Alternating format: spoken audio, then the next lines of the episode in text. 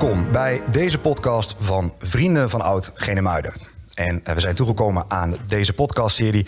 En het onderwerp is wonen en werken in Genemuiden, eigenlijk deel 1. En in dat eerste deel eh, gaan we uh, veel bespreken. En dat bespreken we met twee gasten hier in de studio, namelijk Robert Plezier en Ricky Last. Van harte welkom. Goedemorgen. Goedemorgen. Fijn dat jullie er zijn. Um, ja, we gaan verschillende onderwerpen behandelen in deze podcast. En deze podcast die gaat dus over wonen en werken in Genemuiden. En het eerste onderwerp is een dominee. En eigenlijk drie personen die veel betekend hebben in de Genemuider geschiedenis. Drie Genemuider personen. En we beginnen met dominee van Raalte. En we bespreken deze personen van wat hebben zij betekend. Wat ging er vooraf aan de ontwikkelingen waar dominee de Kok en dominee van Raalte bij betrokken waren? Kun je dat een beetje schetsen, Ricky? Nou, na de Franse tijd van 1795 tot 1813 mm-hmm. zocht de uh, samenleving eigenlijk naar een uh, nieuwe samenleving, een nieuw besef, ook ja. een kerkelijk besef, maar ook een nieuwe invulling van de samenleving. Okay. En uh, nou, wat voor geestelijk besef er dan ook bij hoort. Ja. En toen kwam er vanuit de theologie een nieuwe richting de verlichting ja. eigenlijk. En de opleiding, zeg maar, voor theologie, voor theoloog, die uh, bracht het verlichte denken in. Ja, en daar waren dat was eigenlijk een nieuwe stroming. Een nieuwe ja. de verlichting. Okay. En daar waren heel veel predikanten mm -hmm. het niet mee eens. Oh. Omdat ze de beleidenis, zoals die bij ons beleden wordt van de Dordtse synode, Mhm. die werd losgelaten. Ah. En dat deed heel veel mensen, vooral van de arme kerkvolk, de armere lieden. Mhm. In Genemuiden deed dat heel veel pijn. Die waren ook onkundig. Ja. Maar ook heel veel dominees waren het hier echt niet mee eens. Nee. Dominee de Kok bijvoorbeeld uit Ulrum. In Noord-Groningen niet. En Mhm. nog een andere dominee. Die waren het er absoluut niet mee eens. Nee. Die verzetten zich er ook tegen met hand en tand. Ja, want inderdaad, jij noemt dan dominee de Kok. Dat Ja. is dus blijkbaar een hele belangrijke geweest tegen die verlichting. Precies. Ehm, maar dan hebben we ook nog dominee van Raalte. En waarom is hij belangrijk in de geschiedenis van Genemuiden, Robert? Ja, de, de link tussen die dominee de Kok en dominee van Raalt is dat als eh, de Kok tijdens een van zijn reizen door eh, Overijssel eh Genemuiden ook aandeed. En eh, hij stichtte op 25 mei 1835 de eerste afgescheiden gemeente van Genemuiden. Oké. En die is tot op de dag van vandaag bekend onder de naam van de Gereformeerde Kerk. Mhm. En dan de dominee van Raalte. eh, Oh, dus da- daarom, daarom is het woord koksen wordt ook wel eens gebruikt. Ja, klopt. Ah, nee, nou, dat kwartje valt nu pas. Sorry, ja, bij mij is het vaak laat, maar... Ja, en in de volksmond is dat nog steeds. eh, en die dominee van Raalte, die, ehm, die, die sloot zich ook aan bij die, bij die afgescheiden. Was Mhm. een zoon van een dominee uit, eh, uit Wanneperveen. Eh, hij had theologie gestudeerd. Jongen, jongen nog, hè? Jong, Ja. inderdaad. Jong, 24. Geestdriftig. een leidersfiguur. Ehm, eh, voelde zich niet aangesloten. Werd ook niet opgenomen in de eh, Nederlandse vormde kerk. Maar was, daar ook niet, was het daar ook niet mee eens. Nee, nee, hij voelde geen verbinding. Hij, voel, hij voelde zich dus bij die afgescheiden gemeente. En Ja. hij leidde dus op, eh, in januari van het, van het volgende jaar, van 1836, leidde hij eh, clandestien, hè, illegaal, een, een dienst Mhm. eh, in Ginnemuiden in de schuur van, van vleeshouwer Johannes van der Haar. Oké, dat was de plek van de eerste dienst. Was, was eigenlijk de, de eerste samenkomst waarbij Mhm. Van Raalte voorging. En Van, van Raalte die werd dus twee maanden later eh, beroepen eh, tot predikant in Ginnemuiden. Hij, hij nam dat ook aan, Ginnemuiden en Masterbroek. En hij was, werd daarmee de eerste afgescheiden predikant van Overijssel. Oh, Nou, later kwamen daar meer gemeenten bij, hè, om eh Staphorst, eh, eh, Dedemsvaart. Mhm. In dat jaar werd ook het, eh, het oude gereformeerde kerkje, eh het Kokse kerkje, hè, die zijn net, Ja. aan het eh, jaagpad gebouwd, hè, de vroegere Drecht aan, ja. aan de water. Dat was zo'n houten kerkje, toch? Of niet? Als Nee, het was wel een steen. Wel een stenen kerk. Oh, dan heb ik dat verkeerd. Tot in de jaren 1950 heeft hij gestaan. Oké, ja.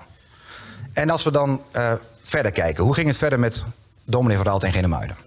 Nou, dominee Vergaalte had al verschillende ja, geheime bijeenkomsten gehouden. Ja. En eh, op een gegeven moment ging hij toch de con- confrontatie aan met het gemeentebestuur. En eh, tijdens een bijeenkomst in de schuur, wat Robert ook al zei, werden ze een keer opgepakt. En heeft zelfs de burgemeester, die heeft militairen laten komen, twintig militairen, om Oh, die bijeenkomst uiteen te drijven. En Wat? daarbij is eh, dominee van Raalte, en die heeft zich verzet. Ja. En die is ook eh, meegenomen. En ehm, ja, ze zijn verwijderd. En dominee van Raalte heeft later voor zijn verzet toch ook nog acht dagen gevangenisstraf gekregen. Acht dagen gevangenisstraf. Ja. Maar dat had natuurlijk vooral te maken, denk ik, dat kerk en staat nog heel hecht waren. En dit dus gezien werd als eh, niet passend Niet passend. bij die stroming. Niet passend bij Oké. die stroming. Nou, maar dat is nogal heftig. Ja, dat was heel heftig en dat bracht ook in de gemeente, in Genemuiden, bracht het ook eigenlijk een scheiding, een Ja. splijtsam. Ja. Zwam werd het. Want de armere mensen, die, ja, die stonden achter Van Raalte. Ja, en die hingen hem aan in Ja, wezen. En dat werd gezien als een secte en als een Ja, ja, ja, eh, geestdrijverij door de mensen die zich wat kundiger noemden. De Ja. meerderheid van Genemuiden. En die sloten zich daar echt tegen af. Oké, oké. Ja. dus dat was een, dat was een, eh, een botsing. Een botsing. Ja. En wat gebeurde er in de periode van overgang, Robert? Ja, nou Ricky zei het net al, het, was- echt, een- echt een hele moeilijke tijd. Eh, Er was veel onrust. Eh, de kerk had natuurlijk een grote plaats in de samenleving. Eh, die, die, die mensen die daar naar die afgescheiden kerk gingen, eh, eh, werden, eh, we, we, la- we noemen ze nu met een lach, hè, koksen, maar dat was echt een. Dat, dat, dat- Oh, echt waar? Dat, echt, dat Oh. leverde heel veel spanning op. Zo bedoelde ik het niet inderdaad. Nou, Ricky zei het net al. Er werden inderdaad, het leger werd erbij gehaald door de, door de burgemeester. Mensen kregen inkwartiering. Hè, dus mensen uit, uit die afgescheiden kerk kregen ook soldaten in huis. Ja. Dat heeft ook best een tijdje geduurd. dat die in Genemuiden zijn geweest. Mhm. Vijf weken zelfs. En dat heeft eigenlijk jaren geduurd voordat dat stof een beetje daalde. En, en de afgescheidenen erkend werden als, Ja. als, als kerk. Ja, Ja, mensen precies. werden echt, echt, echt bespot en gesmaad. Hè. Huizen werden bekogeld. Het was echt een moeilijke tijd. Oké. Het heeft jaren geduurd voordat dat... eh, ja, voordat het, eh, voordat het een beetje tot rust is gekomen. Klopt. En Van Raalte vertrok uiteindelijk dus uit Genemuiden. Ja. Ehm, waar ging hij naartoe? Hij ging naar Ommen. En vanuit Ommen bleef hij in eh, 1839 is hij weggegaan uit Genemuiden. En vanuit Ommen bleef hij toch eh, de leiding geven aan de afgescheidenen in Overijssel. Oké. Maar in 46, in 1846 vertrok dominee van Raalte met verschillende aanhangers vanuit Holland naar Michigan in Amerika. En dat was omdat hij dacht dat hij daar eh, met een groep volgelingen uit Ommen en Hellendoorn, dat hij daar gemakkelijker en in vrijheid, Meer vrijheid, zijn ja, precies. godsdienst kon beleiden. Ja. Maar waarschijnlijk, het is heel aannemelijk dat dat niet de enige reden is geweest waarom hij veel volgelingen heeft meegekregen. Omdat de armoede die er was in Nederland en de mislukte aardappeloogsten en weinig werk, dat het ook mensen gedreven heeft om met hem mee te gaan. Om daar in Amerika, Michigan, Een nieuwe toekomst zich te daar bouwen. te gaan vestigen. Ja, en Ja. in de hoop dat daar het allemaal veel beter zou zijn. Dat, ja, en Ja. dat het daar veel beter zou gaan. Oké. Nou, dat was eh, eh, dit onderdeel. Want we gaan nu verder naar het volgende onderdeel. Namelijk Johannes Zeehuizen. Ik had het nog niet eerder gehoord. Maar hij heeft wel wat zeker wat betekend voor de geschiedenis. Want wie is Johannes van Zeehuizen, Robert? Ja, die Johannes Zeehuizen was van, eh, van geboorte een Groninger. Mhm. Eh, werd geboren in, eh, in 1810 in, in Groningen. En hij, hij was eigenlijk een beetje voorbestemd door de familie om, om boekdrukker te worden. Oké, dat was wat hij ging worden. Dat was eigenlijk eh, de gedachte. hè. Ja. Zijn, oom was boekdrukker in Zwolle. eh, had daar ook een zaak. Eh, maar Johannes was, was nog geen 20 jaar. toen zijn oom al overleed. En hij dus de zaak ging overnemen. Hè, Ja. Die boekdrukkerij, uitgeverij. Mhm. Ging op zich niet verkeerd. Eh, het was niet lang daarna. Het was in 1837, hè, dus zeven jaar later, dat hij ook trouwde. Hij ontmoette eh, in Zwolle een vrouw eh, met, met, met de toch wel deftige namen. Cornelia Catharina Aleida Kantelaar. Zo. Hele mond vol. Nou, dat, dat moet wel van ouders zijn, toch? Kwam een goede kom af. Ja. Ook een, een zakenfamilie. Vader was mede-eigenaar van de suikerraffinaderij, ook in Zwolle. Oké. Een oom die predikant was. Eh, vader had ook een apotheek. Dus nou, Nou, goed. Ja, ja.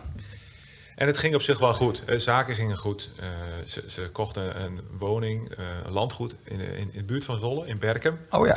Het landgoed Landwijk. Ja. Ligt er altijd nog. Prachtig landgoed. Oh ja. Heel, ja, het ziet er echt heel mooi uit. Kochten ze dus, had veel schade, maar er was geen bezwaar. Hij, hij kocht het en hij herstelde het. En het jaar later werd er dan een dochtertje geboren met wederom een, een prachtige naam. Ja, dat kan niet achterblijven. Antoinette Henriette Elise. Schitterend. Mooie naam. Dat Ja. is waar. Dat is waar. Waar vestigde hij, hij zich en wat deed hij toen? Nou, in 1845 begon hij met de uitgave van Overijssel, een felle liberale krant. Oh, En dat jaar erop in, werd hij statenlid. hij was eigenlijk politiek beter aangelegd en daar lagen zijn talenten meer Ja. dan gewoon in het werk. Ja, precies, in de drukkerij, ja, Nee, of- of een, eh, dat lag hem ook niet Nee. zo.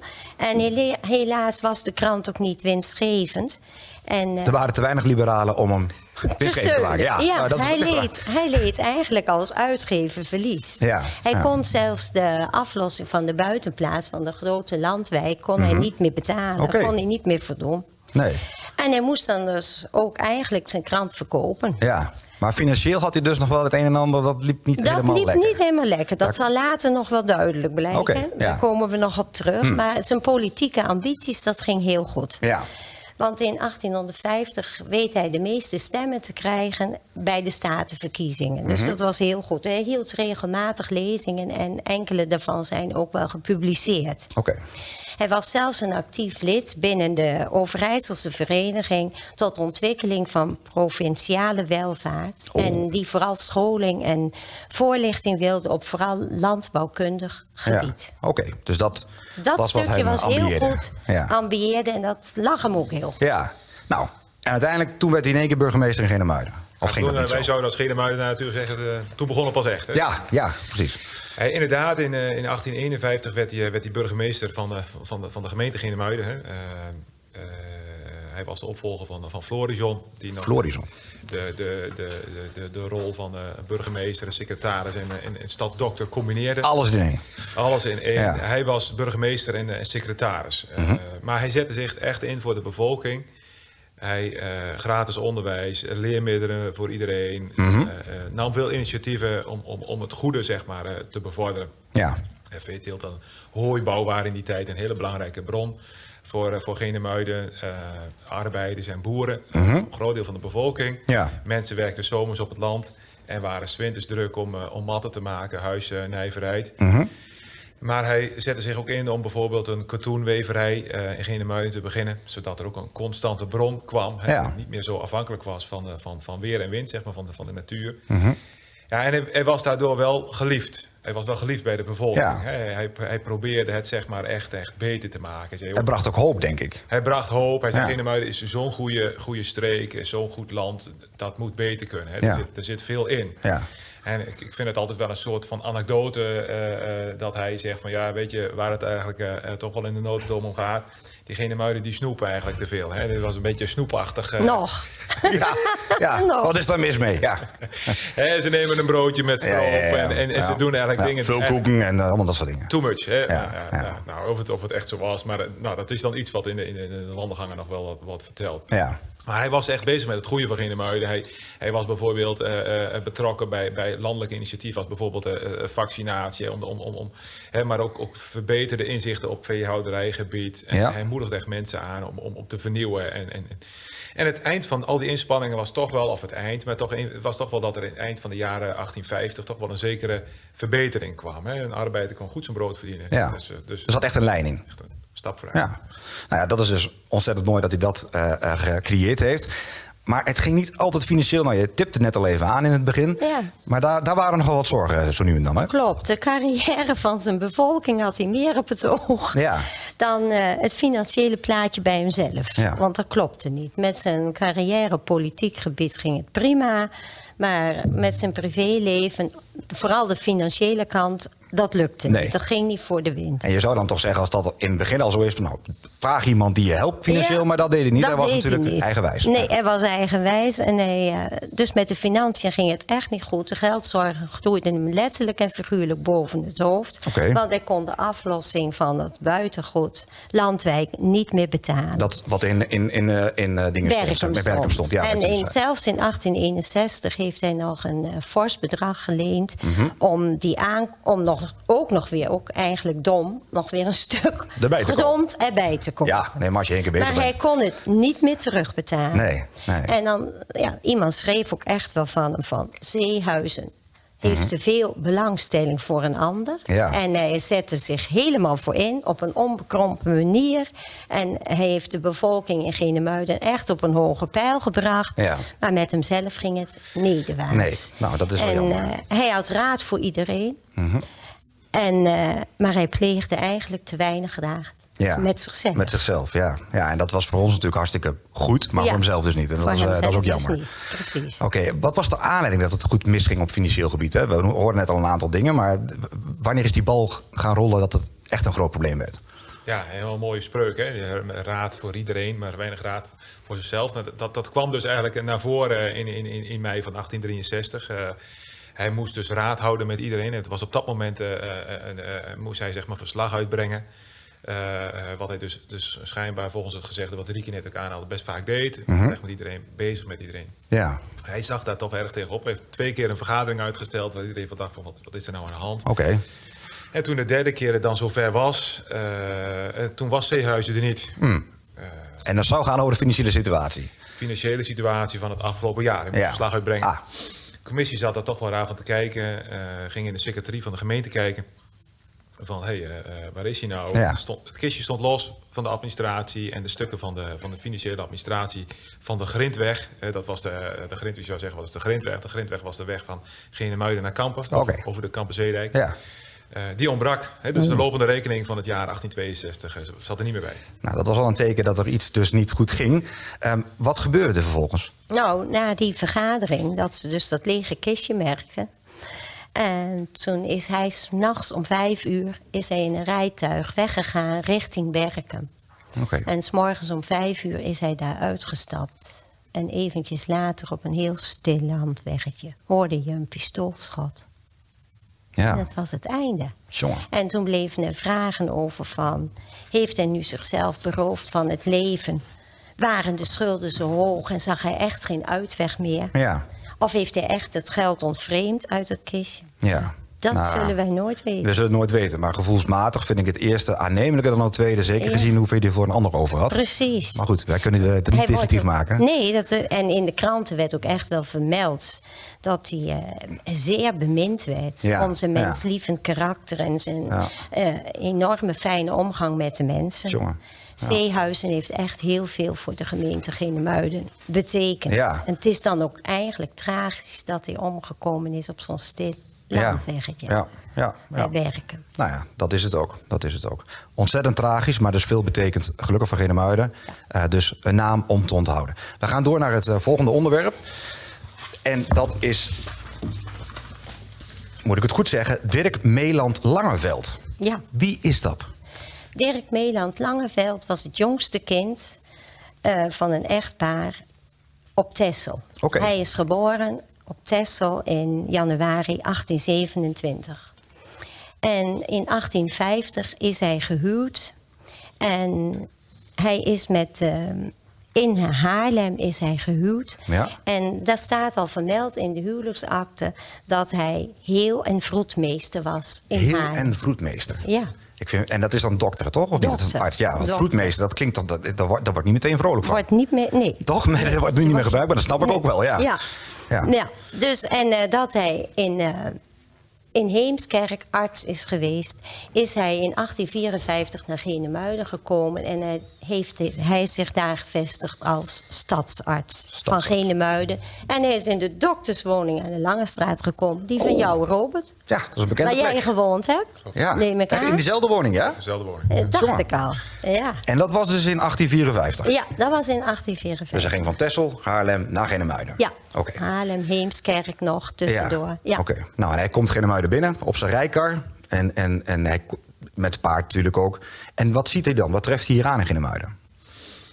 Ja, ik denk dat we dat, wij kunnen ons dat niet goed voorstellen. Hè. Het Genemuiden van, eh, van, van toen eh, was eh, natuurlijk een, plek, een mooie plek om te wonen in de zin van de omgeving. Maar Genemuiden was echt arm. Hè. We hebben daar ook al bij stilgestaan bij het stuk van, van burgemeester Zeehuizen. Eh, er, wa- er waren veel eenkamerwoningen waar Ja. arbeiders wonen.